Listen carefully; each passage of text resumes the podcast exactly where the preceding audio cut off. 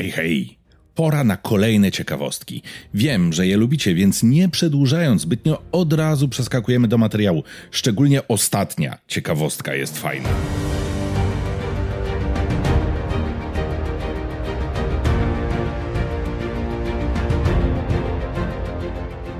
Ciekawostka numer jeden.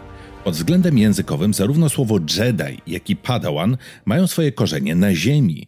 Jedi to skrót od japońskiego słowa, nie wiem czy dobrze to powiem, Jidaigeki, gatunku filmowego w Japonii, który z grubsza odnosi się do dramatów z epoki. Najczęściej Jidaigeki to filmy samurajskie, które przedstawiają walki na miecze i wojowników, takie jak filmy legendarnego filmowca Akiry Kurosawy. Dzieła Kurosawy wywarły ogromny wpływ na George'a Lucasa i pomogły mu stworzyć Gwiezdne Wojny, zatem ten swoisty hołd dla gatunku nie dziwi. Słowo Padawan z kolei pochodzi z drugiej strony świata. Z sanskrytu słowo to oznacza zwyczajnie ucznia i to zostało przyjęte jako określenie ucznia Jedi, który szkolił się pod okiem jednego konkretnego mistrza.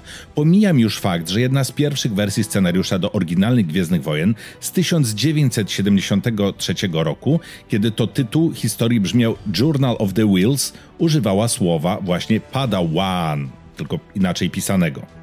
Ciekawostka numer dwa. Ponownie pora zmierzyć się z upływem czasu w Star Wars. Wielu widzów twierdzi, że Luke zbyt szybko poznał tajniki bycia Jedi. Kilka chwil u Jody i już był wyszkolony. To stało się w przypadku Rey, której no niestety nic nie broni. Ona zwyczajnie bardzo szybko wyszkoliła się, że tak powiem, w mocy. Ale w przypadku Luka było inaczej. Za początek szkolenia Luka uznaje się no, spotkanie z Kenobim w epizodzie czwartym.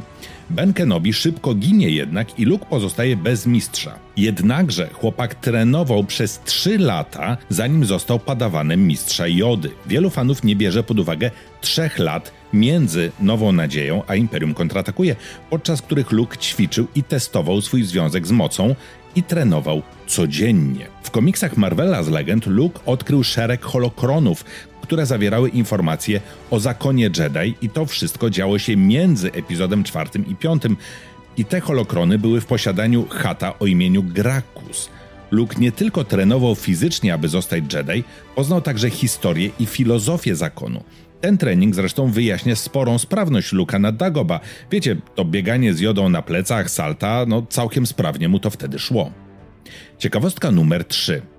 W jednej z wczesnych wersji Gwiezdnych Wojen Luke Skywalker miał przejść na ciemną stronę, aby pokonać swojego ojca, Dartha Vadera.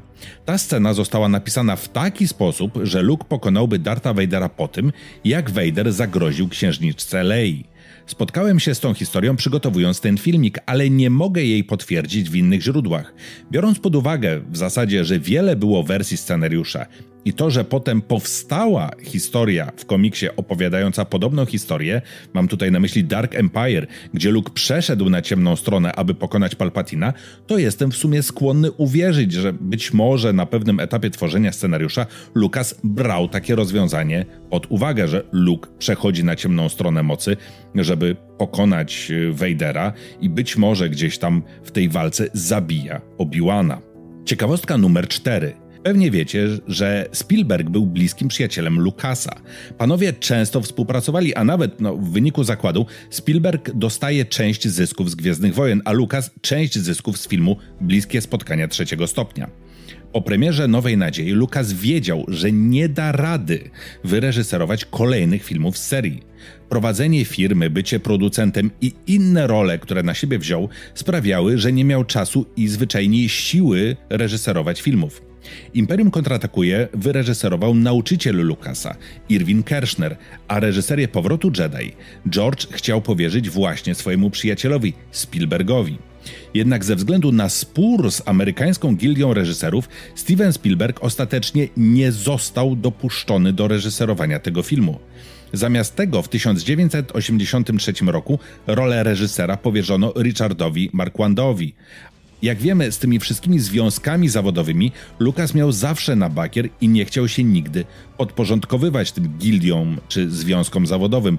Z pewnego buntu przecież powstały Gwiezdne Wojny wręcz.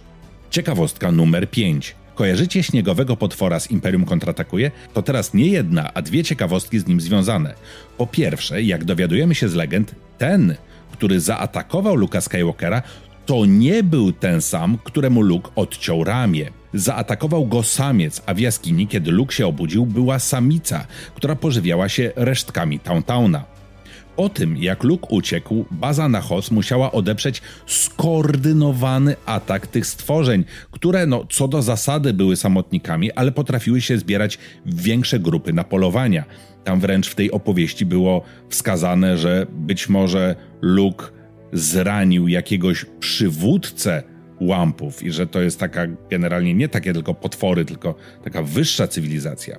Poza tym, wiele lat później mistrz Jedi Luke Skywalker i Kalista Ming wrócili na Hoth i tam spotkali jednoręką łampę, która poznała Luka i chciała zemsty. Zresztą może powinienem zrobić osobny odcinek o łampach, bo to fascynujące stworzenia.